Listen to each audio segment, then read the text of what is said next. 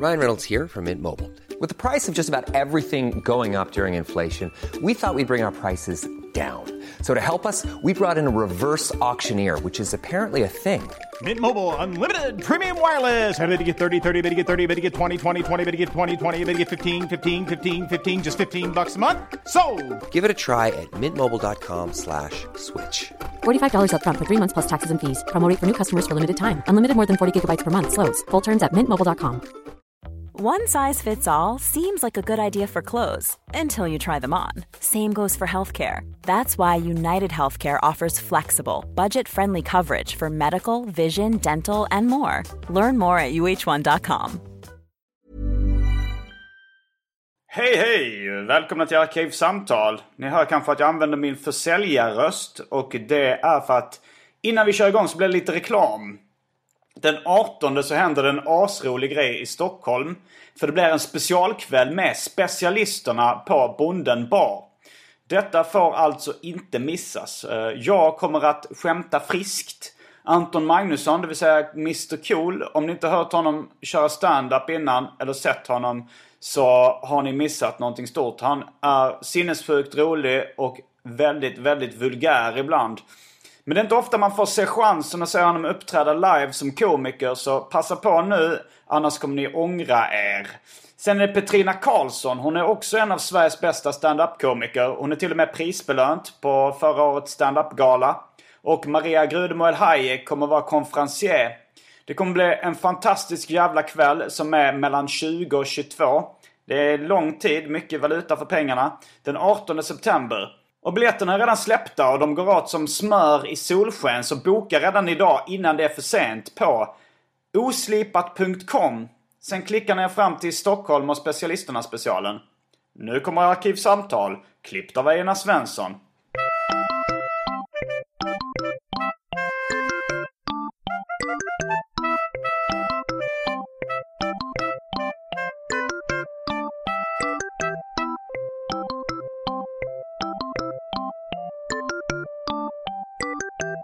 Då är ljudtestet avklarat.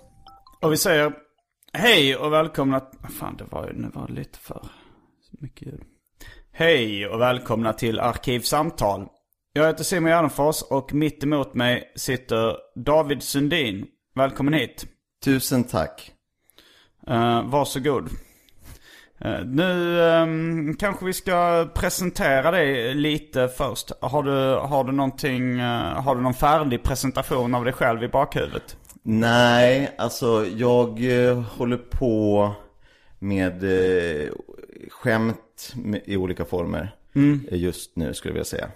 På så sätt att jag eh, skriver eh, olika lite manusskämtgrejer. Och så jag eh, kör stand-up och är med och lite skämt podcasts. Sådär. Vad tror du själv att du är mest känd för? Eh, Det är en ganska bra fråga. Det är alltid intressant. De få, och det här är ju verkligen en handfull, eller kanske två handfulla personer som har eh, eh, kommit fram så här och vill säga någonting eller eh, sådär. Och då, det brukar vara lite olika. Men det är många, det är nog Fantasipanelen eh, som är min podcast och sen eh, alla mina kamrater som är med. Det brukar folk eh, nämna. Eller bara, jag tycker att du är så rolig. Jag skriver mycket skämt på Twitter också. Det brukar folk också vara så här. Jag följer dig på Twitter, jag tycker du är rolig. Ja, du har väldigt mycket följare på Twitter och eh, Instagram. Vad, vad, hur har de slussats in? Alltså twit- Twitter är enkelt att förstå. Eh, för där så, dels om man skriver något roligt så retweetas det och så kanske folk liksom, ja ah, det här verkar roligt, det ska jag Mm. följa. Och sen så kanske man hamnar på något sånt här, eh, när de föreslår, typ när man skaffar Twitter, så här är lite folk som vi tror Mm. är bra att eh, följa. Så det förstår jag. Men på Instagram, där har jag verkligen ingen aning. För jag vet inte själv hur man hittar liksom, Nej, men folk det som bara kan- följer random människor menar jag. Ja, de kanske hittar dig om de följer dig. Jag tänkte på, eh, om de följer på Twitter kanske de hittar Ja, då på Instagram också. över. eh, Det finns, fanns en Twitter-konto som hette Modern Seinfeld, eller Seinfeld Today. Ja. Där var det, där var det, där de bara skriver liksom korta eh, handlingstrådar till Sein- Seinfeld ifall den skulle utspela sig idag. Ja. Då fanns det en, eh, en eh, tweet som var Elaine starts dating a guy who is Twitter famous. Väldigt Och roligt. det, det skulle man nog kunna säga att du är då. Det är så jävla roligt med eh, Seinfeld, eller just vilken serie som helst, när man har de där karaktärerna. Och man kan säga en, bara en sån där grej och man kan se hela avsnittet framför sig. Man vet exakt vad som kommer hända och allting. Och man bara säger ja. Ah. Så garvar man lite åt ett helt avsnitt som inte finns. Eh, Men då har vi eh, presenterat det pyttelite. Ja. Eh, Då ska vi kasta oss in på det omåttligt populära inslaget Välj drycken. Yes.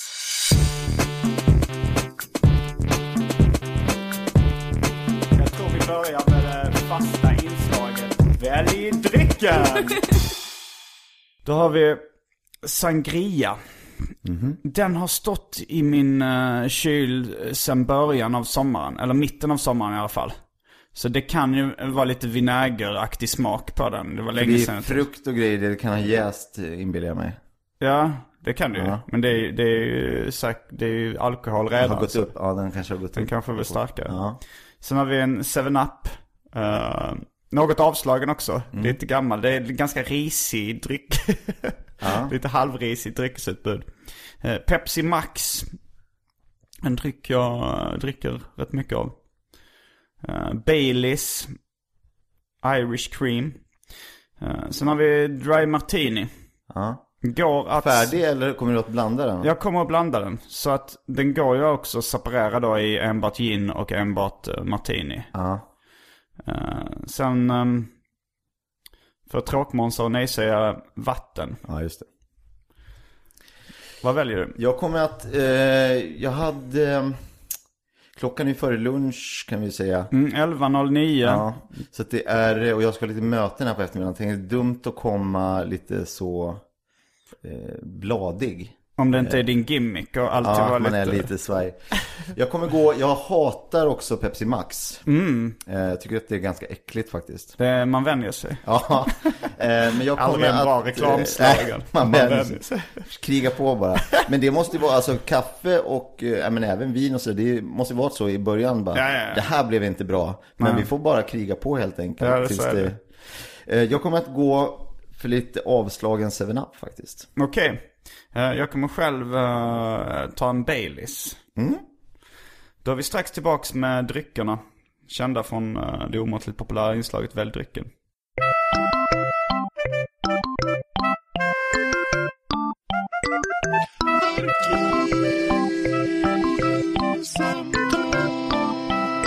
Då är vi tillbaks med Baileys och 7-Up som visar sig inte vara så fruktansvärt avslöjande. En Nej, pös. jag ska säga, jag ska prova och se.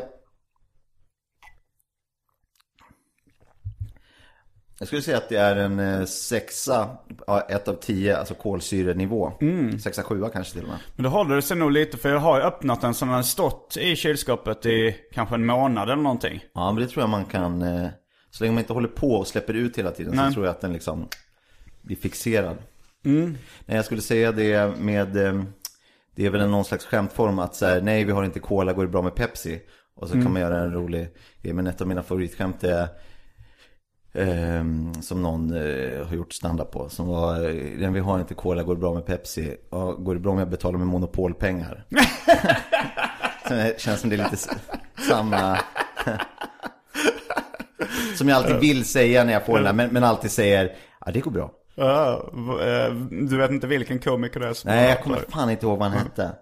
Eh, Men han, jag kommer inte ihåg något annat skämt, utan det var bara det som eh, stack ut i hans... Det finns vissa sådana uh, skämtupplägg som jag har haft i bakhuvudet i åratal men aldrig liksom har rott hem. Eh, ett av dem är att, att Pepsi och Cola, att, man ska, att det ligger rätt nära orden pest eller kolera. Men det har aldrig liksom lyckats. Sen finns vissa, vissa sådana som jag tänker så här, det här måste det ju ha gjorts någon form av skämt på innan. Och det kan inte det, det förmodligen inte har blivit så kul, men eh, det här med, finns det hjärterum så finns det stjärterum. Och liksom få in analsex Ja. i det. Det känns som det måste ju ha gjorts någon gång. det, ja. Eh, Men eh, jag har, har aldrig lyckats komma på något som är roligt på det. Och, det, och jag tänker, lyckas jag hitta på ett skämt så kommer det bli rätt lökigt förmodligen. när det väl bara, När där det var det, nu har jag hittat det. Som är Indiana Jones, som till slut bara, nu här är den. Den heliga grollen, sen bara, aha, den var inte så snygg den här mm. Kan vara så. Men eh, eh, går, det- vi har inte kolera, går det bra med pest? Det är väl det som är Ja, Fast det bygger på att både Coca-Cola och Pepsi skulle vara dåligt. ja och det det, tycker är ganska inte. gott. Ja. Båda två tycker jag. Uh, fast jag föredrar Pepsi. Nu, ehm, jag undrar, har du gjort någon sån här eh, lång och djuplodande intervju i podcastformat innan? Nej, det tror jag inte. Jag skulle... Nej. nej. För jag har första gången någon är gäst och det är någon som jag är nyfiken på. Då brukar jag göra det lite mer åt värvet-hållet. Alltså, men sen eh, återkommande gäster eller bara polare sådär. Eh, som jag vet väldigt mycket om och som kanske inte allmänheten är intresserad av. Kör jag lite mer bara löst snack.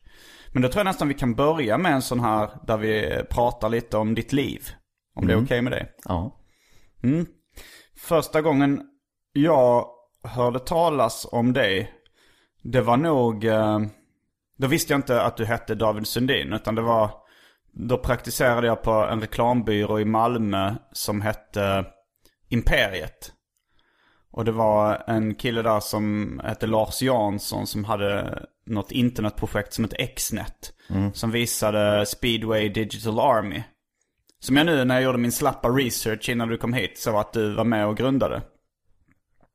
Eh, vill, vill, vill du börja med, hur, hur bildades Speedway Digital Army? Vad var det för någonting? Alltså det var ju en eh, webbyrå typ när man inte riktigt visste vad det var för någonting. Jag gick ut gymnasiet 96 och sen så Var gick du i skolan? i Uppsala Uppsala? Okej. på en mediagymnasium. Ja, Okej. Så du var typ 19 då? När du gick Eh, ut ja, gymnasiet? Ja. Och, eh, eller jag borde vara ett år äldre för jag gjorde ett, jag gick natur ett år först. Okej. Och sen så gick jag. Eh, jag är en av de få som har gått både linje och program.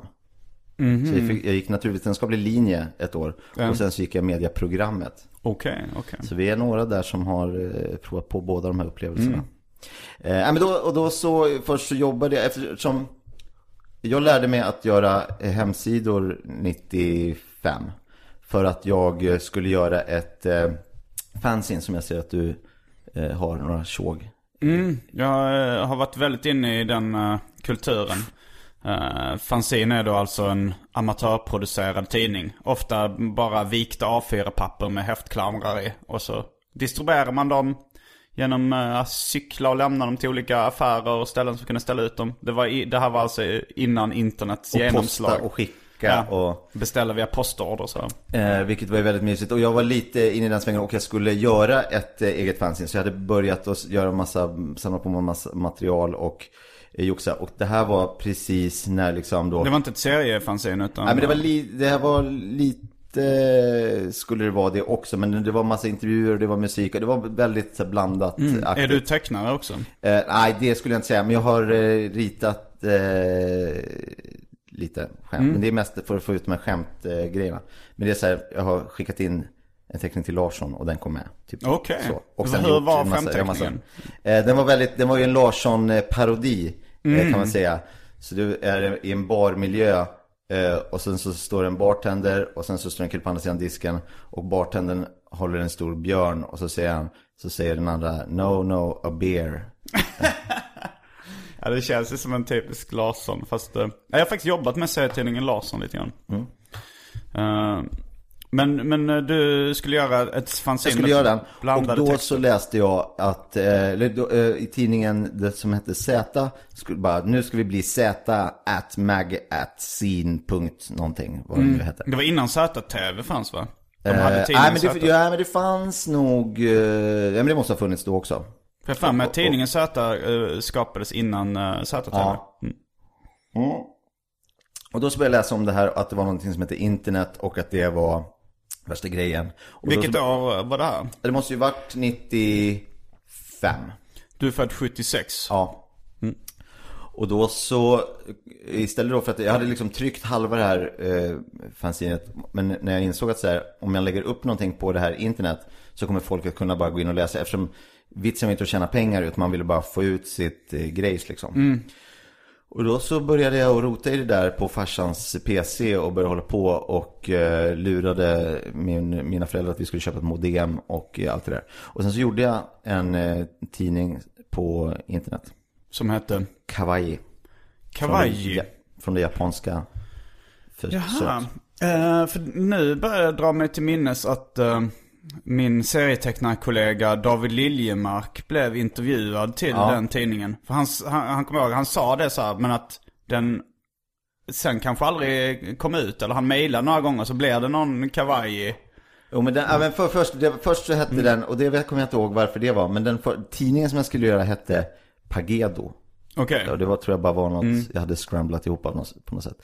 Men, men eh, det var den som jag bara liksom, jag hann trycka halva och sen så, och sen så blev den internet. Men då tror jag jag la upp det, för då la jag upp alla intervjuer som Jo jag men hade. det tror jag, för jag hittade nog en tidig intervju med David Liljemark på, på internet liksom. När, när man sökte efter, all, det fanns ganska lite innehåll på Men på alla svenska. de intervjuerna gjorde jag ju brev, alltså s- Ah. skickade i ett kuvert med frågor till folk och så fick tillbaks med svar, ibland så handskrivet och så. Men så jag du var en tidig fan av uh, serietecknaren David Liljemark? Ja, Mm. Han är återkommande gäst i den här podcasten också. Eh, det är nog många som inte känner till hans serier som har lyssnat på den här podden. Och nu säger han att han börjar bli igenkänd på ICA från sin röst och sådär. Aha, för okej. att han har medverkat i Arkivsamtal. men inte för det är hans stora grej i serierna. Nej, Nej. inte på samma sätt. Det, det är lite ironiskt att, eh, att sådana här poddar når ut till så sjukt mycket mer folk än till exempel, alltså jag har fler poddlyssnare än serieläsare också. Ja. Ja, det är intressant. Orättvist. Mm. Ja, lite. Med tanke på hur lång tid det tar att göra de två olika grejerna. Så. Eh, men, men då gjorde du kavaj. Ja, då lärde jag mig liksom koda HTML som man behöver kunna för att göra en hemsida. Men det var ingen annan du kände som höll på med sånt då eller? Nej, utan jag, fick, alltså jag gick ju till datanördarna i min klass, de som alltid satt i datasalen liksom. Okej. Hej guys, berätta för mig om internet, jag måste eh, lära mig det här. Och de visste inte vad jag pratade om. Men du var ingen uh, nörd själv då? Ah, halvnörd skulle jag Mm. säga. Jag höll på lite så liksom, programmera i basic och liksom gjorde Mm. lite sådär, Commodore 64 Ja, ja, kille. Men du hade ändå social kompetens. Precis, Ja. exakt. Eh, och kompisar. Men sen visade det sig att man blev superhet på arbetsmarknaden om man kunde göra hemsidor för det var så få som eh, kunde göra det. Så det var en lycklig, en lycklig slump. Jag var med i eh, P3 eh, då i 90, 95 när det här liksom hemsidor var en grej. Och då, då hade jag liksom bara en hemsida som hade lite random grejer på sig men som ändå var någonting och som folk eh, kände till som gick in på hemsidor. Eh, som var någon slags ursprung till det som blev en tidning sen liksom. Men då, eh, Vad hette den hemsidan? eh, ja, men det var nog bara David Sundins hemsida. Okej. Var det ju på den tiden typ. Men då så, eh, då var jag med i radion och bara så här, vad tror du om det här med hemsidor? Kommer man kunna ha ett jobb, ha som jobb att göra hemsidor innan? Och då så sa jag, nej. Eh, jag tror man kan ha, kanske ha det som så här, ett hobbyjobb eller så här extrajobb. Men jag tror inte man kan ha det som ett, att det kan vara ett yrke att göra hemsidor. Eh, och sen var det, dröjde det liksom bara ett år knappt så jobbade jag med det. Och då, då startade du Speedway Digital Ja, först jobbade jag på ett annat företag med, att, med eh, och eh, ja, koda HTML och göra hemsidor. Men sen så... I Uppsala eller? Nej, du- jag började jobba i Stockholm så jag pendlade. Eh, pendlade dit. Men sen så kom jag på det att så men nu, jag, nu vet jag ju det mesta hur det funkar det här med företag och så. Och så såg jag framgångarna ifrån Spray och eh, Icon Media Lab var väl i den svängen också. Ja. Och då så eh, eh, tänkte jag att fan nu startar vi ett eget företag och bara kör. Vilket, Vem var det du startade med? En kille som heter Peter Ström.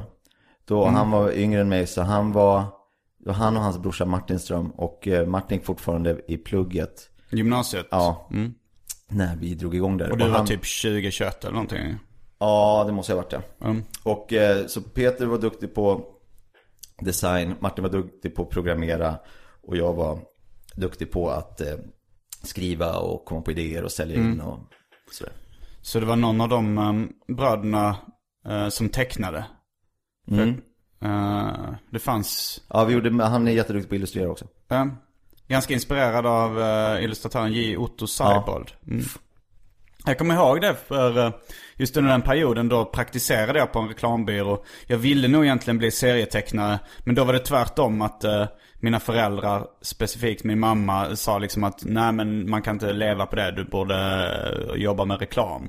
Jag tänkte, ja men jag var ändå intresserad av förpackningsdesign och sånt där. Så att jag, jag satt på den här reklambyrån i Malmö och läste de här, eh, ja, men Resumé och Quo Vadis Express och vad, de, vad de tidningarna hette. Och då stod det rätt mycket om Speedway, Digital Army. Och jag tyckte, ni var ju liksom lite mer i min ålder. Jag var ju typ också kanske 19 eller någonting. Och tyckte det var jävligt coolt och gillade de illustrationerna. Det var en del också, det var liksom eh, den typen av texter som idag kan kallas som bloggtexter. Det var, kändes som, som något helt nytt. Att ni bara skrev så här. Du kanske skrev någonting du hade suttit och tänkt på den här veckan. Och det, det, det fanns extremt lite sånt jag läste innan som inte hade något speciellt syfte. Det var Nej, nej så utan allt var genomtänkt i övrigt liksom. Vi var väldigt punkiga och tramsiga och Mm. tyckte att allting skulle, allt gick att göra roligt. Ja. eh, Istället för att det skulle vara tråkigt.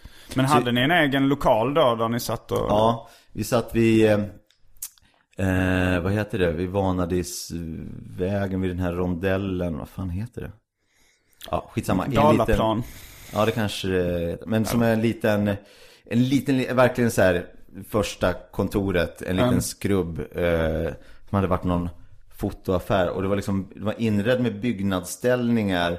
Och det var en extra våning och vi bara, det var verkligen så här webbyrå-liv på 90-talet. Och vi sov där och bara eh, jobbade hela tiden. Mm. Vad, vad, jobb, vad hade ni för kunder då? Liksom? Då jobbade vi mycket åt reklambyråer så vi gjorde liksom kampanjer och så vi gjorde då banners och liksom landningssidor eller vad man ska säga, kampanjsajter och olika, eh, olika. Mm. Men hade du börjat, alltså var du en skämtare redan som barn liksom? Ja, det skulle jag nog eh, säga. Klassens clown? Ja. Var, jag hade full närvaro men liksom jättedåliga betyg. För jag var alltid där och såg att så här, här är min scen, här är min publik. så jag satt och liksom satt och skämtade och eh, eh, lärarna var jättefrustrerade för de förstod inte varför kommer han hit om han inte eh, vill lära sig grejer. Alltså gör som de andra som skiter i att gå hit. Mm. Kom inte hit och... Eh, Och stör de kul. andra Ja. eleverna som försöker lära sig. Som verkligen vill lära sig någonting. Nej, det var jag. Mm. Och sen, eh, vad hände efter, eh, vad hände med Speedway Digital Army?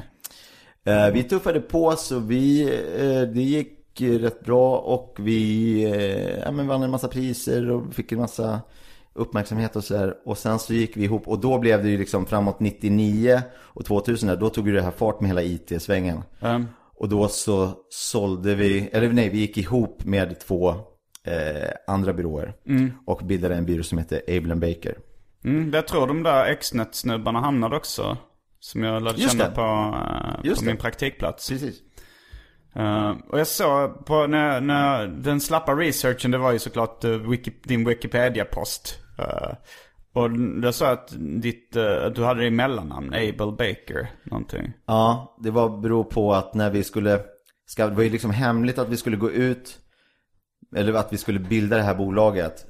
Eh, och det skulle liksom gå ut i pressen och så skulle de anställda informeras och så här, för det påverkar en massa folk. Och vi skulle ta in eh, liksom pengar och, och bli ett liksom halvpublikt bolag, eh, hur det funkar. Mm. Så då var det så här, okej, så då var vi, det var jag och sen var det två eh, till då från de andra två bolagen som hade uppgift att hitta det här nya namnet. Och då så höll vi på och spånat massa olika grejer.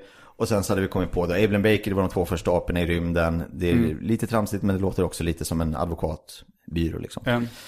Så då tänkte jag, ja men då kör vi på det. Och så skulle de bara dra det genom juristerna. Och juristerna sa att eh, eh, det kan bli problem eftersom det är ett personnamn. Om det kommer någon som heter Abel och säger nej, det här får ni inte heta för det här eh, heter ju jag. Då kan man få liksom, alltså jurister de vill ju bara inte att de ska hamna, att hamna i dåliga dagar, att det var deras fel att de inte sa någonting. Så de säger att allting bara är dåligt. Eh, och då vi- fick vi liksom tillbaks det här och bara, äh, det kanske måste hitta något annat. Så bara, fan, vi var ju så nöjda med det, hade börjat liksom, fått fram någon logga och lite bla bla bla. Och då så kom jag på bara, men, så då frågade jag juristen, men om jag heter både Abel och Baker. Då borde ju, då kan vi ju alltid säga att det är därför som vi heter det. Ja, ja, för fan det är lugnt.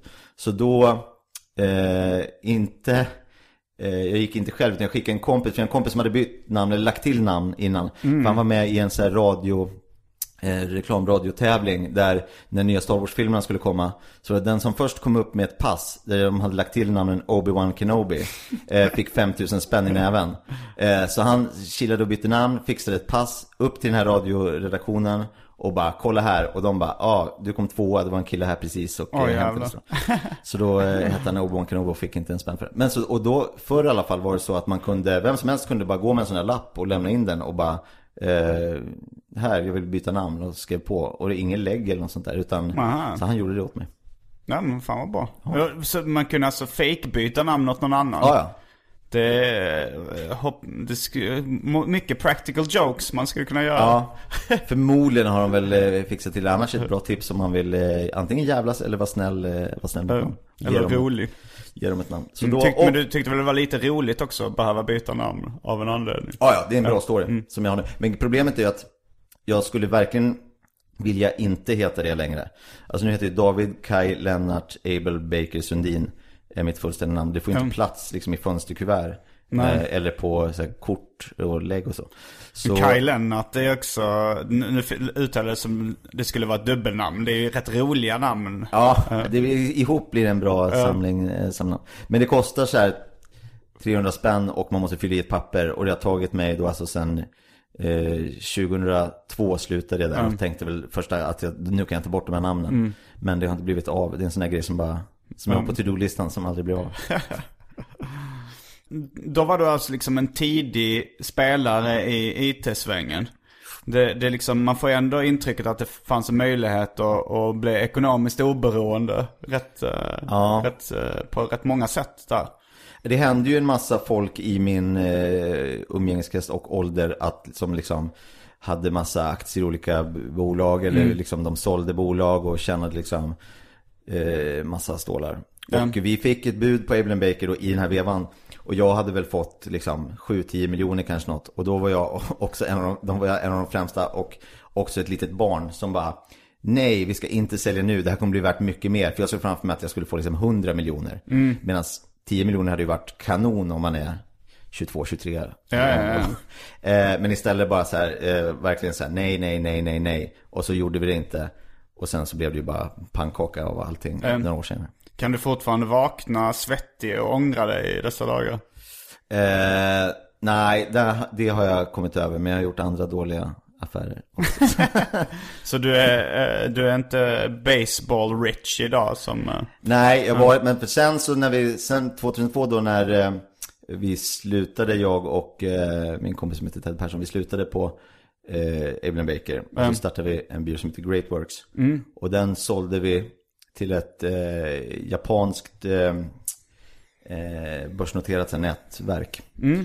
Och sen så, eh, så sålde vi 60%, då fick vi en massa eh, miljoner. Och sen så köpte vi tillbaks det och sen eh, sålde det igen. Problemet är att jag är så dålig på att eh, placera de här pengarna så att jag, eh, eh, nu har jag inga pengar kvar. Och jag är också bra på att använda pengar. De uh, Greatworks jag eh, tidigare har varit med i den här podcasten när jag, när jag bodde i Japan under några månader så var Erik Arner och uh, Morten, Ekenberg? ja det heter han ja. De har varit medlem, de har medverkat i ganska många avsnitt Ja. för jag lärde känna dem via eh, Det var nog Kristoffer Triumf som parade ihop oss när Ja. han hörde att jag skulle till Japan och att jag var eh, intresserad av mat.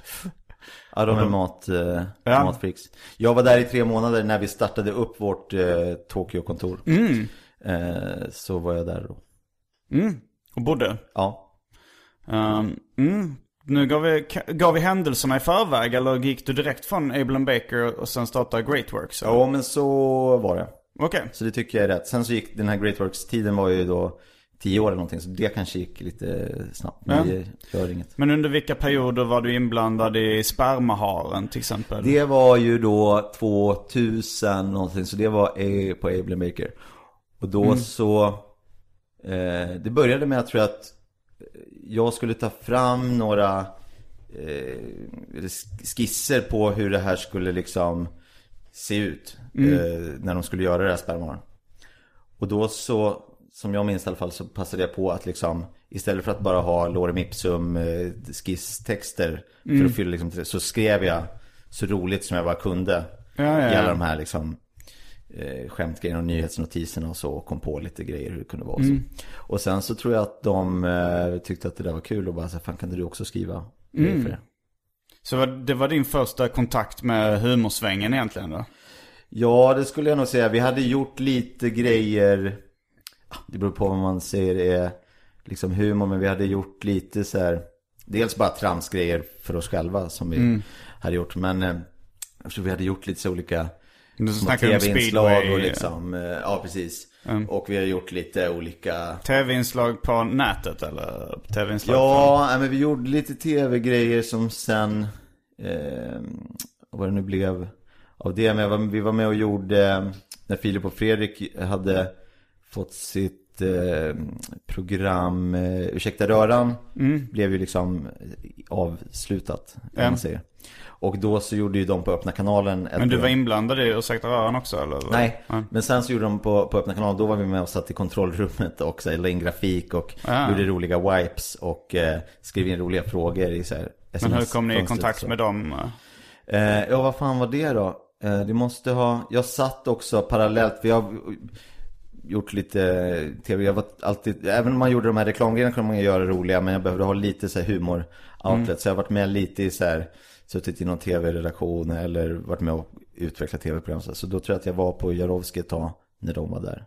Så du bara liksom parallellt med att vara eh, webbyrå-snubbe så sökte du dig till tv, sökte jobb på tv-produktionsbolag eller? Nej men lite, eller inte sökt men så här, fan, det var något som passade om vi gjorde vignetten och grafiken Ja, ja. och så var jag med lite och spånade på grejer till exempel och sånt. Mm, kunde det Så, um, så då var du med och jobbade med öppna dagar. Men, men redan innan dess måste du liksom haft ett hum. Jag tänker att du, det var inte alla som kände till David Liljemark som serietecknare eh, i tonåren. Nej. Men läste du mycket serier och sådär då? Ja. Mycket eh, skämt. Inte så mycket liksom eh, actionserier. Nej. Men eh, mycket humor, humorserier. Jag kommer ihåg när jag köpte min första, det var, det var Larsson som var liksom som öppnade upp lite för den världen. Jag läste jättemycket Svenska med innan. Men, det, men jag tyckte Larsson var liksom en, en lite annan typ av så här, smart Mm. humor som inte bara var så här, parodi eller liksom Nej. inte var så pruttig liksom.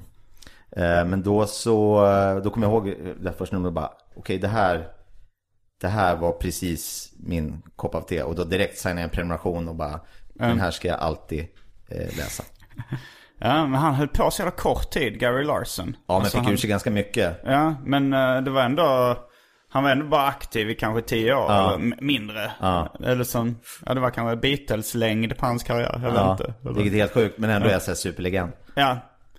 Men, eh, Jag fick, häromåret när jag fyllde år så fick jag hans, de, de här jättebibban. Alltså det är nu liksom 10 centimeter med alla hans, alltså då är det rubbet. The Far Side Gallery eller någonting. Ja, Mm. fast den är då liksom complete. Mm. Bla bla. Ah, så det finns en komplett Ja, samling av Som är så jättefin. Det är två böcker i en så jättefin låda och, Mm. och väger liksom 800 kilo. Är det en av dina, är det en av dina förebilder liksom humormässigt, eh, Gary Larson? Alltså inte lä- alltså, eh, Jo, det är, på något sätt så tror jag att eh, hans typ av humor har format min typ av humor liksom. Mm. Att kunna vara ganska så här eh, punchy liksom. ja, att kunna, ja, skämtteckningar är ju ver- verkligen liksom one-liner-aktigt. och som inte ens är strippar utan det bara är så här, En, en ruta. ja, en ruta, en text under och så klart. Och så är det lite corny liksom. Mm. Så det, det, det tror jag har blivit lite blivit sån där modersmjölkskämt eh, Kanske. Men det var länge sedan som jag, jag, när jag fick den här boken så bara wow vad mysigt, men jag har inte öppnat den. Så, nu har jag alla hans skämtteckningar, vad bra jag ställer dem här. En dag ska jag bara sätta mig och börja läsa, läsa det här. Men vad har du annars haft för uh, förebilder humormässigt? Eh, ja, man, eh, jag kollade mycket på eh, det som fanns då. Så förutom att man då läste de serietidningar som var, vad var det mer? Brök. Och Pyton och liksom Brak, Python- det var min modersmjölk ganska Ja. mycket. nu. Eh, så det var dels det, men sen då kunde man kolla på Monty Python och hur, vad heter det? Fawlty Towers och allt sånt där. Och sen liksom svensk humor, vad det nu var. Killinggänget såklart, alltså jätte, eh, jättemycket Hassan och allt sånt där. Så du var stor fan av Killinggänget när du väl började jobba med dem? Ja, gud ja. Eh, och det var spermahan, men det var ganska kort period. Jobb, spermahan fanns inte så jättelångt. Nej, det var typ två år. Och det var ju liksom en eh, sajt och där det skulle hända en massa roligt eh, varje dag. Och det var eh, filmer och, ibland, och eh, texter och, det, och spel gjorde vi en massa. Eh, bland annat Smek ger tolken till utlösning var ett populärt eh, spel. Som gick ut på just det. Eh, och sen så, sen fick de en ny, det var ju Passagen som eh, finansierade det här. Med ganska mycket, mycket pengar. Och sen så fick Passagen en ny vd. Som vad ägdes passagen av något större företag eller? Ja, vad hette de? Det hette de Scandinavia Online kanske, som är något nordiskt bla bla, eller var. Mm. Eh, och sen så fick de en ny, en norsk vd som gick in och bara Okej, då ska vi se, vad har vi på kostnadssidan? Jaha, här har vi lite löner, här har vi lite lokaler, lite ja, bla bla marknadsföring Vad är det här spermaharen? eh, som kostar liksom så här många miljoner, vad är, vad är det för någonting? Jo, så visar de, det är det här Och så går han in där och kollar och då så är det liksom Står det, världens längsta gylf färdas genom eh, Stockholms gator Eller då liksom eh, Spela, eh, spela spelet eh, Farfars slida Där man ska fånga grejer i farfars slida Och han bara, ta bort det här eh, nu bara Um, Och då sa de att, ja men vi har ju betalat det här liksom i flera månader framåt Det är redan pröjsat så vi kommer få innehåll och trafik Han bara, det skiter jag i han, han tyckte bara. det drog ner eh, helhetsintrycket. Ja. Men eh, hur många besökare hade spermahan? Alltså hur stort var det? Jag har verkligen ingen aning Nej. Och vad som var, om det var mycket Men sen var det ju Det som hände var eftersom de var profiler Det var ganska liksom eh, Ruffa skämt Och Mm. mycket så här använda eh, liksom, namn eller kändisar i skämten Så var folk blev ju skitsura och det var löpsedlar Vilket gjorde att fler gick in på det där och bla bla Det är ju väl, alltså alla Som jag snackar med vi- Känner ju till det och minns det och sen blev det en DVD med alla filmer och spelen och så. Och sen blev det en bok med allt som var liksom text och bild Mm. eh, baserat. Jag kommer ihåg, det var helsidesannonser också i typ dagspress för spermaharen. Ja, det var det säkert. Ja. Spermaharen, vi är vad vi heter. Ja. Och så en bild på Ja, just det. Då går Nej, men vi gjorde så mycket dumma grejer. Vi gjorde bland annat eh, Sveriges näst största bricktidning. Eh, eftersom, eh, Efter Maktuellt, Ja. Ma- Maktuellt var ju, den- det är ju den största, Sveriges största bricktidning, inget snack. Eh, men då gjorde vi Sveriges näst största som bara fanns på en restaurang i Frihamnen. eh, där vi brukade käka lunch. Eh, där vi satt. Och då så, så den fanns där. Vi gjorde ju ett gosedjur. Vi gjorde, spelade in en CD-skiva och så här, alltså skaff- startade ett förlag och skivbolag. Bara för att det skulle vara på riktigt och den skulle finnas i skivbutiker. Så de- den hette, vi hade en karaktär som hette Optiker Berglund. Och då var det, eh, då Jonas Inde sjöng in några Randy Newman-låtar. Och så hette skivan Optiker Berglund sings Randy Newman. Och bara för att det, och skämtet var, när man står och bläddrar i skivlådorna så ska du, när det är så här bokstäver, då är det O, så är det liksom Oasis, Optiker Berglund. Så att det skulle vara en sån här flärp där det står O, O Berglund. Det var det som liksom det gick ut på.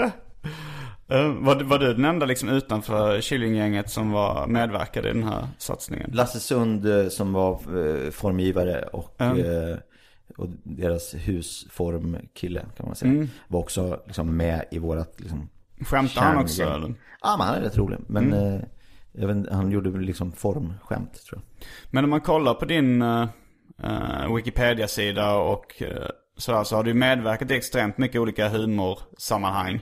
Men eh, du, man skulle ändå kunna kalla det för något av en doldis. Ja, lite. Hur känner du inför det? Är det liksom medvetet eller är det någonting du skulle vilja ändra på? Ja, men jag tror att jag har, för grejen är att jag var med och drev Great Works nu för till för ett år sedan ungefär. Och då så sålde jag min eh, del och eh, är helt liksom frilans. Så nu tänker jag att jag eh, ska liksom satsa på humorn som ett, eh, ja men att göra det. Ja. Så fram tills nu då har jag verkligen så varit, ja, men jag har sk- skrivit grejer eller liksom gjort någon, någon, någon del i någonting annat eller verkligen så varit bakom. Men nu så gör jag lite mer liksom, mer som sketchskådis och eh, men gör stand-up och Sketchskådis i vilka sammanhang? jag kommer att vara med i ett tv-program som kommer gå i höst på trean som heter eh, Inte Okej. Jag kommer spela massa olika figurer. Vilka andra medverkar i programmet?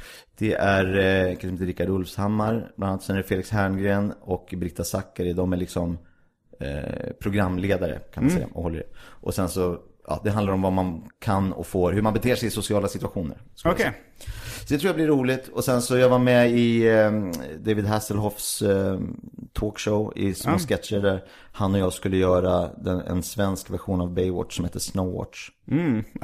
Som var eh, roligt. Kommer det bli en fortsättning på det här programmet? Eh, det vet jag inte, det skulle det kunna eh, bli. Jag träffade David Hasselhoff igår kväll. Han var... Bor han i Sverige nu eller? Nej, men han var här och eh, käkade middag. Och eh, så var jag lite så här, fan, eh, han kommer väl inte ihåg mig. Och sen så sprang jag in i honom och så sa Hej little brother! Och eh, så stod vi och snackade tio minuter. Så eh, eh, han var väldigt eh, rolig. Vad gjorde han här nu? Var det med? Nej, han skulle bara surra lite med, eh, med de som gjorde förra programmet. Eh, har vi, tappar vi tråden någonstans uh, där liksom runt uh, Greatworks spermaharen? Var det sen efter det du bestämde dig för liksom att du skulle satsa på humorn? När du, när du Ja, så var det nog. Då eh, bara eh, bestämde jag för att liksom fokusera på att vara eh, rolig och inte göra så mycket reklam. Sen har jag blivit tv- tvungen, eller inte tvungen, men att ha något slags, eh, som för att tjäna pengar, så, eh, så regisserar jag reklamfilm. Och för jag tänker att det också är en slags humor. Även om det är hor, Skarvar. horhumor. Ja, första gången, alltså det var då när jag liksom hörde talas om Speedway Digital Army, då visste jag inte vad du hette eller något sånt där. Men jag tror första gången jag började lägga namnet på minnet, det var någon gång när jag spelade in, det, det var jag skulle medverka i, eh, i en liksom pilot eller något liknande till morgonpasset.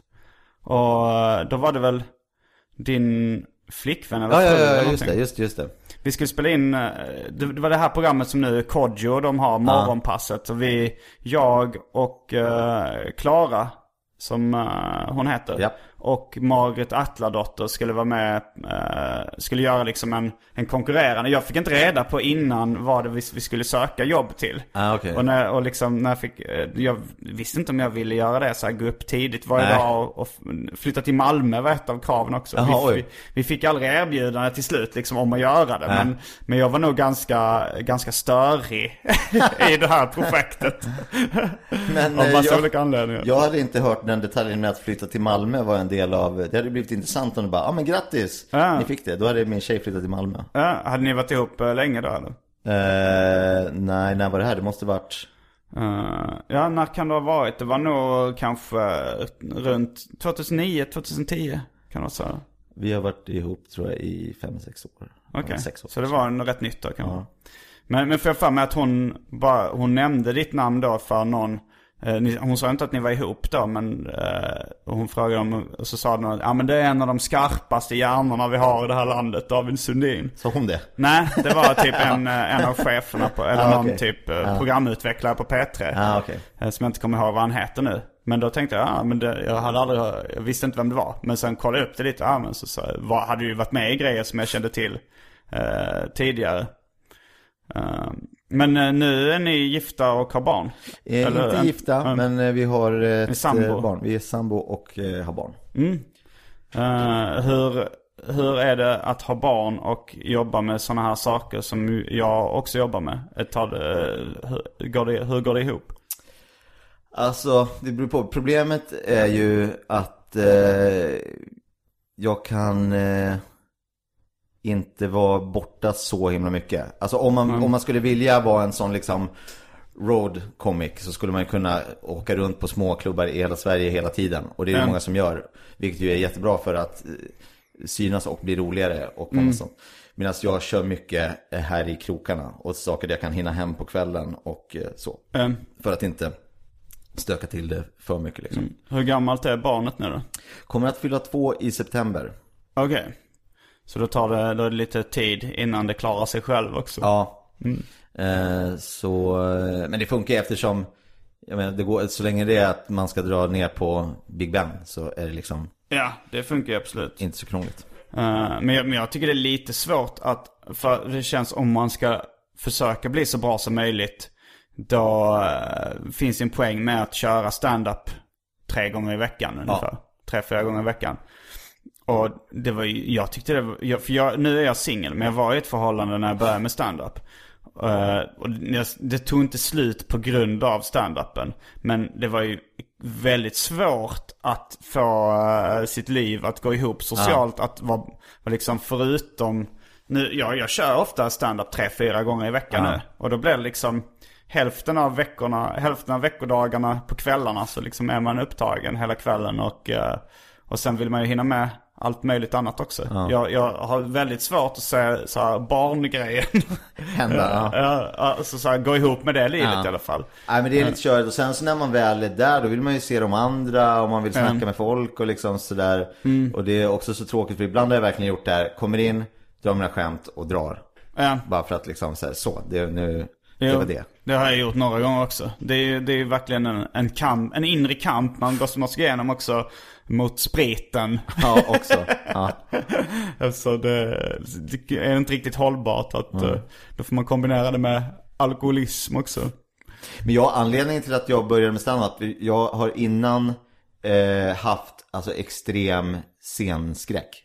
Och varit liksom helt jävla, eh, när jag tänkte, och alla har ju varit så här, eftersom jag har skrivit så mycket grejer och i eh, sociala sammanhang, om man eh, liksom är väldigt rolig om jag liksom får säga det Mm. själv. Så har folk liksom, fan du borde hålla på med standup, du borde hålla på med standup. Och så är man så här, ja ja men visst absolut. Och så när jag tänker det framför mig, så ja men då går jag upp och så står jag där och sen då blir jag så livrädd. Och så har jag bara skjutit det där bort. Men så är det nog för alla nästan.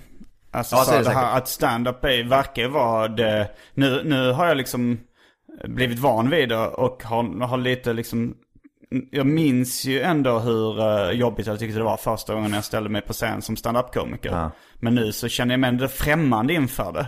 För nu känns det rätt avslappnat. Ja. Men började du också med bungee comedy eller? Nej, det, fan, det hade precis lagt ner då. När, Okej. Precis när jag kom på sig, nu kör jag. Då bara, Mm. nu kör vi, bungee comedy. Och då så fanns inte det. Jag bara, helvete. Men jag gick en kurs på Norra Brunn. eh, Och sen Med så... Thomas Oredsson? Ja. Mm, den har jag också gått. Det var väldigt eh, bra, om inte annat för att så här, ja, men, bara för att få börja skriva ihop grejer Mm. och för att bara gå upp och ställa sig där inför, även om man står inför 8-10 pers så var det ändå, det kom över, det gick över. Mm. Och sen gjorde jag det på riktigt ett par gånger och sen var det bara så här, men det här var ju inget farligt. Det var bara köra. Mm. Så Var nu är, jag, nu är jag, vilket är farligt, men nu, ibland så är jag liksom lite för onervös. Vilket gör att man också är lite slapp kanske. Men... Ja, det, jag tror nog det är ett väldigt litet problem att vara för onervös. Ja, lite. Nej, men de säger väl att man ska ha i alla fall någon slags pirr så att man är lite på tårna. Ja, kanske. Eh, antar. Var det några andra eh, komiker som har fortsatt som gick eh, samma klass som du i, i den här standup-kursen? Eh, vilka var vi nu då? Det var eh, Micke Sanchez. Han Ja, kör ju- Michel Sanchez. Började han så sent? Eller gick han den Nej, men jag tror han körde den som ett liksom, han hade börjat, han hade Ja. kört en del. Det var, det var bara, Ja, för han var med i Bungie. ja vi var några som, vi var ju några som Ja, var innan helt med. supergröna. Mm. Och vissa som ändå hade kört en del liksom. Michel, Sanchez kan jag rekommendera. Han är en fantastisk one-liner-komiker. Det tycker jag också. Mm. Och sen en kille som heter Nalle Ahlgren som också kör en del på Big Ben sett. Nall, men var det han som hade Nalles show? Nej, Vad hette Det är han? han- han- Han, är han- död, eller nej? Lever han? oj nu blev jag väldigt, väldigt osäker. Eh, Jag bara för mig att jag... Eller, var, eller var det någon, nej dog han? Nej, har ingen aning. Det gjorde han säkert. Eller så gjorde han, ja, det låter vi vara osäkra. Men Nalle Ahlgren, ja. Eh, Eh, Och sen var det lite annat. Men det var ett eh, bra sätt att, eh, i alla fall, jag, om, även om man inte säger jag måste hålla på med standup så kan jag rekommendera den där om man ändå tycker det är roligt med skämt. Jag såg det lite som så här, även om jag inte kommer köra standup så kan jag i alla fall få liksom lite skämt, eh, nya infallsvinklar på Jo. skämt typ. Jo, jag, jag hade lite sådana ursäkter i början också. Ja. Så att jag, för att jag ville nog, eh, jag ville nog börja med stand-up. Men det finns någonting pinsamt med stand-up också. Så Vem tror du att du är? Nej men också det här, jag vet inte, det, det är ju... Det, det är ju, jag, jag har lite förakt för stand-up sen de gamla Norra Brunn-dagar. Alltså sen uh, Slängde i brunnen på tv. Att jag tyckte det var så töntigt. Och, och det var så dåligt tyckte jag då. Många, många av mina kollegor tyckte att det var bra liksom, Slängde i brunnen. Men jag tyckte inte det. Och jag tyckte inte Stockholm Live var bra heller. Eh, sen var det väl när, alltså så här, jag uppt- nu tycker jag det finns mycket bra stand-up eh, i Sverige. Och jag upptäckte väl kanske amerikansk stand-up som jag tyckte var bra före jag te- upptäckte svensk standup som jag tyckte var bra. Men jag, jag, jag har, hade väldigt länge svårt att säga att jag höll på med standup utan att rodna. Det hade i och för sig svårt att säga eh, att jag var, uh, rappade på svenska och sådär också.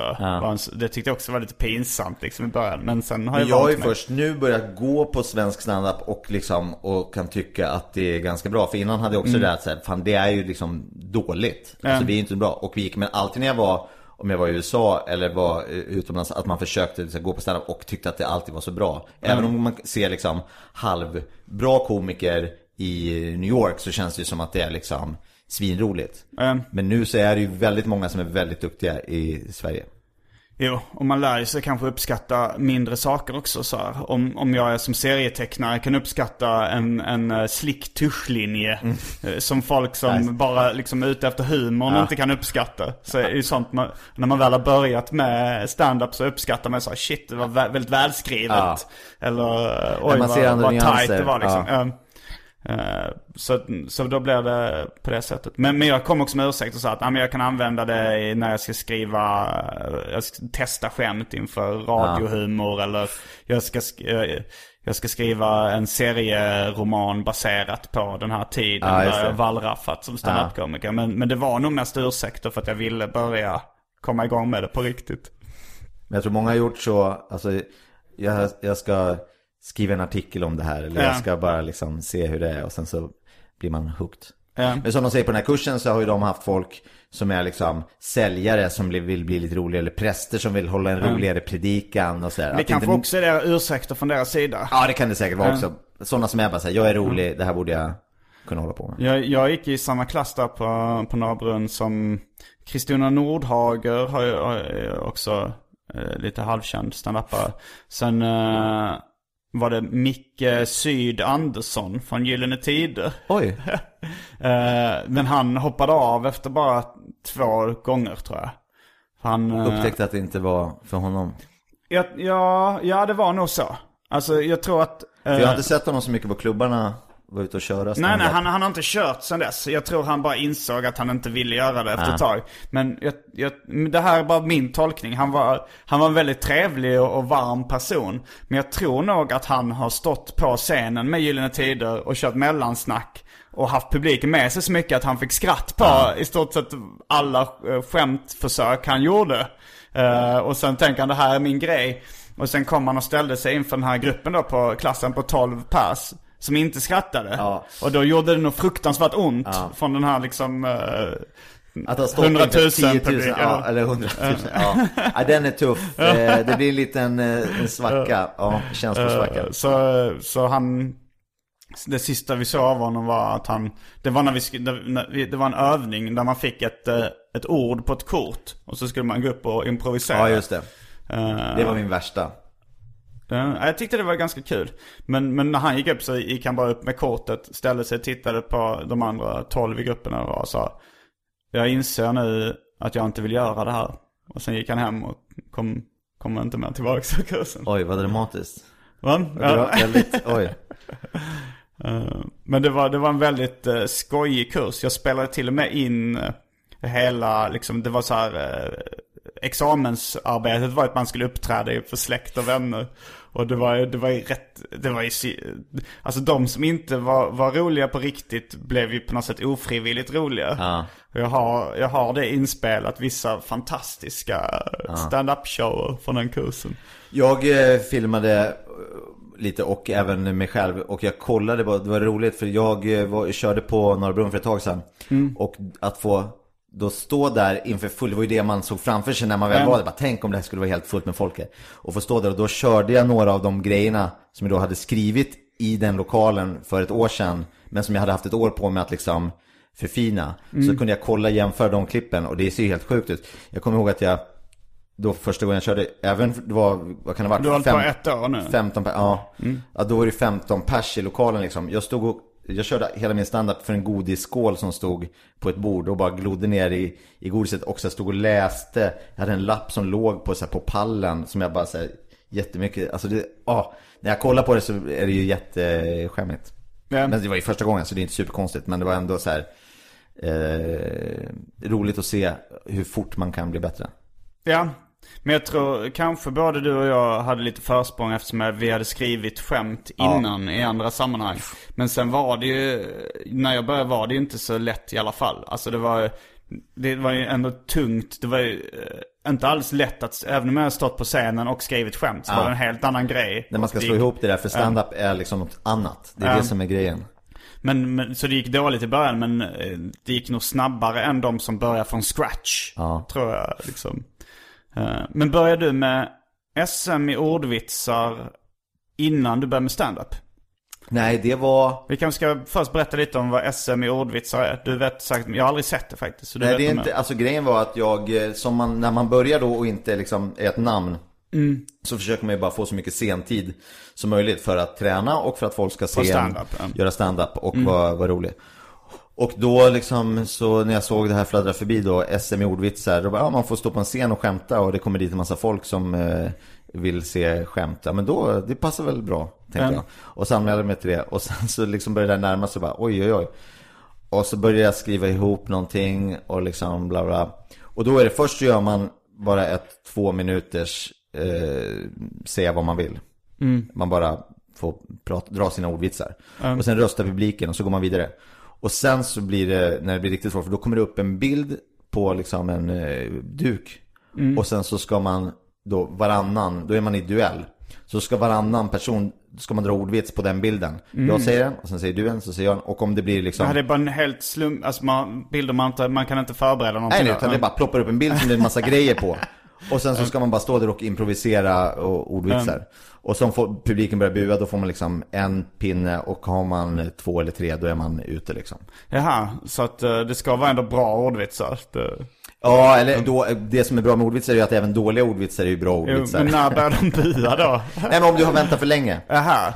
Eller de kan också bua om den skulle vara liksom en dålig, eller om de inte fattar den eller vad som helst. Uh, um, Eh, men, och sen så går man till, eh, om man går vidare ifrån det, då kommer det upp en, bild som det bara är liksom en grej på. Och, då, och det, då är den bara till mig. Och sen så försvinner den, för annars kan man ju ändå stå och tänka medan du drar din ordvits, då kan jag tänka på nästa. ja, ja. Mm. Och så kan man spela lite tennis på det sättet. Men sen så i finalen, då kommer det upp en bild, den är bara till mig. Det kommer upp liksom en, en eh, blomma. Och så ska man snabbt säga något på det, för sen försvinner den bilden och sen får du en annan, helt annan bild. Och då är det ju verkligen så här hur snabb tänkt man är. Och det var, jag inte, det var jag, det som jag var inte så bra på. Så jag gick vidare till, då först var det uttagning här i Stockholm, sen så gick jag vidare till finalen i Malmö. Och så gick jag hela vägen till finalen i Malmö men förlorade så jag kom två. nej men grattis ändå. Var det Ja, första året du ställde upp? Ja, Och vem, vem var det som vann?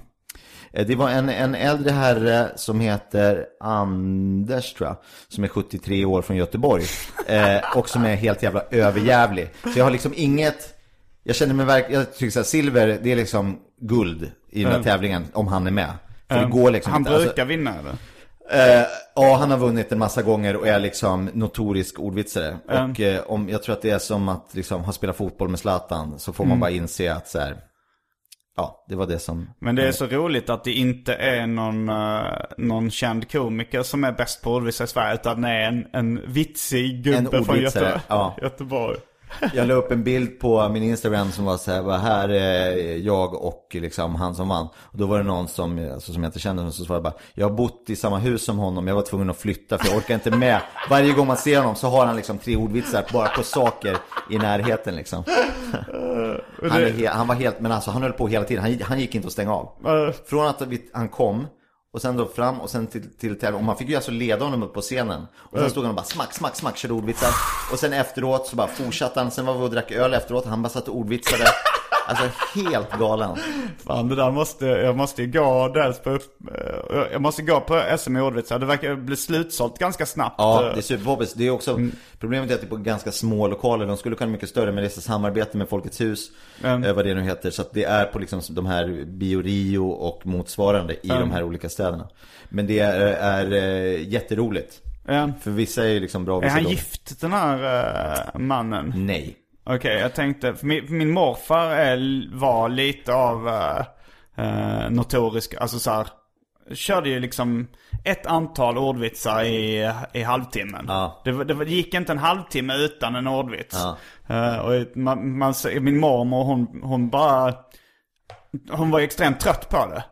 Man såg ju hur hon uh, himlade med ögonen fast sen så hade hon nog bara uh, zoomat ut, uh, zonat Ja. ut. Det var så här, den här tomheten i blicken varje gång Han, eh, Anders blev intervjuad i eh, Aftonbladet tror jag, efteråt när han hade vunnit. Och då så sa han det bland annat att eh, ja, men de fråga, hade någon fråga hur du liksom någonting med sociala situationer eller någonting. Och han sa det.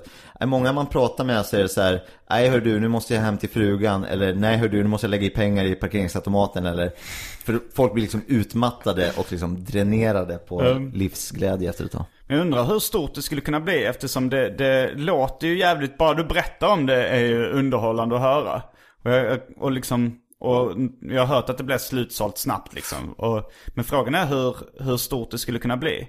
Uh, alltså hur, ifall de hade typ uh, ordvitstävlingar. Ja men nu drar de ju 200-300 kanske då. Men de skulle ju lätt få upp det på 500-700 säkert. Ja, Alltså, de skulle och kunna på sen rival eh, om de jag. annonserar eller att det blir tv-sänt eller något ja. sånt där så skulle det kunna bli en, en rätt stor kultur. Men det är jätteroligt för publiken är ju inte, om man går på, på standupklubbar så är det liksom, ja men det är, folk är liksom ungefär samma. Om det inte är så här, Mm. Norra Brunn, att det är massa konstiga eh, företag som är ute. Men att det är liksom Du menar en hyfsat- publiken är- Ja men hyfsat homogen publik liksom.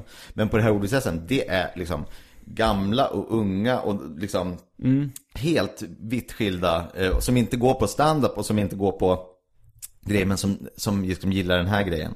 Mm. Och sen är det jättemånga som liksom någon har blivit ditlurad av en kompis och som är liksom såhär, okej vad är det här, det kommer bli jättekonstigt. Och som sen bara garvar som fan. Mm. Och som bara, jag måste gå nästa år. Ja, och jag, jag är egentligen ingen större fan av ordvitsar egentligen. Utan kanske nå, alltså det finns roliga ordvitsar men i allmänhet så är jag lite mo- motståndare till det. För att det, eh, för att folk drar ordvitsar.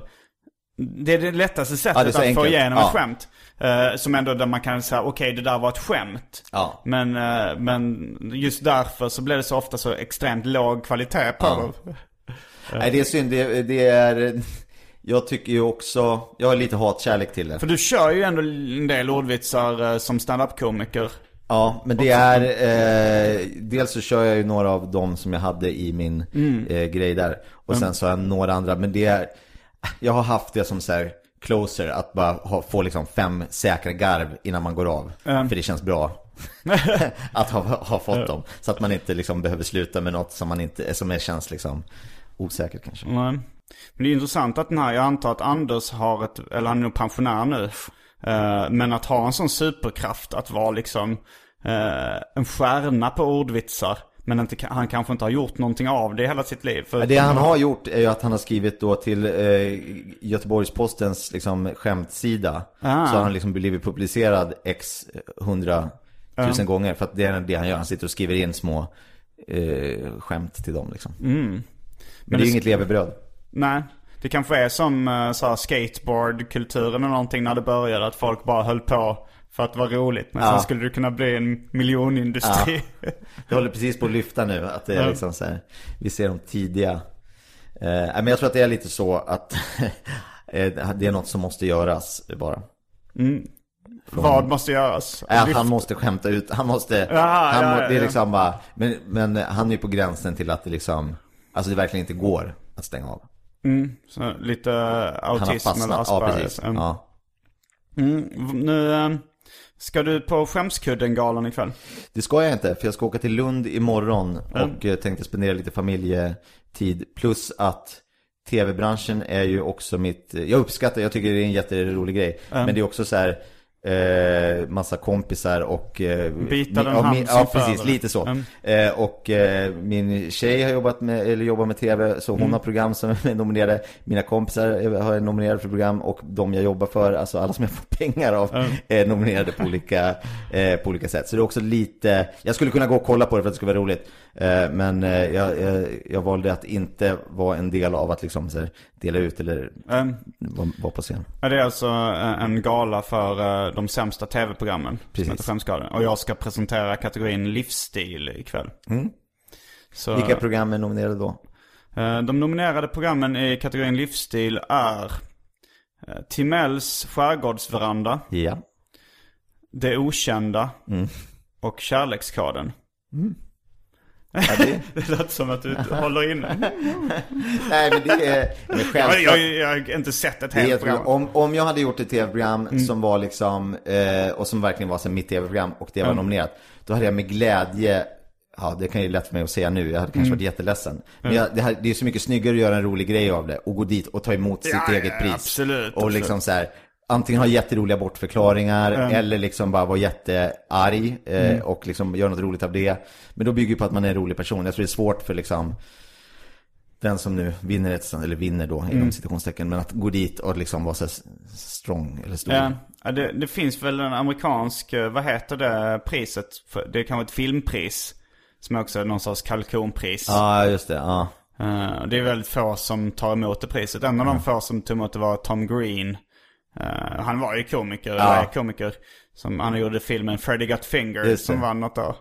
Och då sa, i, sa han så här, jag skulle kunna säga att eh, många andra filmer hade förtjänat det här priset mer än jag.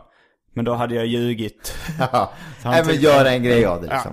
Ja, det, men- sen är det ju svårt att göra eh, bra tv Ja. också. Och det är kanske svårt att göra en grej och vara rolig om man blir uppriktigt sårad. Ja. För då blir det nog rätt dåligt att man försöker vara den större människan Ja. som kommer upp med lite tårar i ögonen och försöker skämta bort det. Ja, men vi har gjort program som har blivit liksom, som inte har blivit bra Mm. många gånger. Och eh, som om då man har lagt ner jävla massa tid och kraft och dessutom var så här, det här var ett av de sämsta tv-programmen på hela året. Då kanske man skulle bara, aj då, det var, lite, det var extra tråkigt. Ja. Jo men så blir det ju, alltså om man, eh, om man jobbar med kreativa saker och tar, och då måste man ju för att bli bättre ta lite risker ibland. Ja. Och då blir det att man gör dåliga saker också. Eh, och jag, jag kan absolut känna starka skamkänslor själv inför grejer jag har antingen gjort på egen hand eller varit inblandad i. Men eh, jag, jag brukar... sen är det också skillnad när det bara är så här, här är ett företag, företaget lever på att producera grejer för tv. Om man går till en kanal och säger, hej vill ni göra det här supercoola programmet? Nej det vill vi inte göra, kan ni göra ett program där några lagar mat i skärgården istället? Ja ja, ja ja, vi gör väl det istället då. Och sen så gör man någonting kanske som inte är någonting som man själv Nej. liksom brinner för, men man på något sätt får klä skott för att så här, och att för det är ju inte så att man kan säga så här, "Ja, men jag har gjort det här precis som jag vill ha det. Det är väldigt Nej. få tv-program som helst, utan det är alltid någon som har tyckt till och det har gått igenom en massa filter och ditten och datten. Ja, det värsta är ju eh, om man då inte har en uppdragsgivare utan på helt eget initiativ Ja. gör någonting och sen så blir det hatat, sågat och, och smutskastat Ja, liksom. det är värre, för då är det bara ens eget fel. Jag har, aldrig, jag har aldrig gjort något sånt i liksom större skala. Det, har- det har funnits grejer som folk har tyckt illa om liksom. Men, men jag brukar tänka på Larry David som är en av mina största idoler. Han gjorde två sådana grejer som eh, blev extremt smutskastade. Dels var det sista avsnittet av eh, Seinfeld. Det kanske mest var en amerikanskt fenomen hur smutskastat det blev. Men då var liksom, det var ju extremt höga förväntningar. Och eh, folk tyckte att det sög liksom. Eh, sen var det liksom, efter det så skulle han göra sin filmkarriär och då gjorde han filmen Sour Grapes. Eh, som också blev, den har jag sett, den var, alltså sista avsnittet av Seinfeld tycker jag, går att se. Jag, tycker inte, jag gillar inte den här typen av collageavsnitt där man liksom det. klipper in det bästa av och, och syr ihop det på något sätt. Men det går ändå att säga. Men Sour Grapes var liksom rätt svårsmält. Att det var inte roligt Det var liksom någonstans. inte kul. Nej. Eh, men, men jag älskar ju fortfarande Larry David och, och tycker han är bäst i världen liksom. Så att då, jag brukar ha det i bakhuvudet att man, man får göra stora misslyckanden och ändå Ja, kan och jag tror att man måste bäst. göra det också. Ja. För att liksom, eller ha, i alla fall haft det liksom på något sätt, eh, att allting inte bara blir en succé. För att man ska liksom eh, hitta vad som blir bra. Och göra det rätt, kunna göra det rätt nästa gång liksom. Hellre lyss till den sträng som brast än att aldrig spänna en båge. Precis. Och med de orden så avslutar vi veckans avsnitt av Arkivsamtal. Jag heter Simon Gärdenfors. Och jag heter David Sundin. Fullbordat samtal.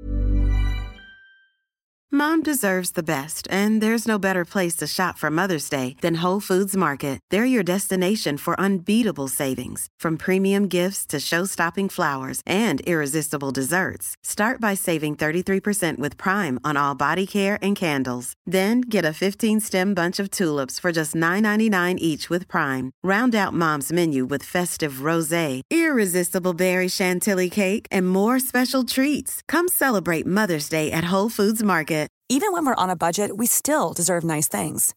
Quince is a place to scoop up stunning high-end goods for 50 to 80% less than similar brands. They have buttery soft cashmere sweaters starting at $50, luxurious Italian leather bags, and so much more. Plus, Quince only works with factories that use safe, ethical, and responsible manufacturing. Get the high-end goods you'll love without the high price tag with Quince. Go to quince.com/style for free shipping and 365-day returns.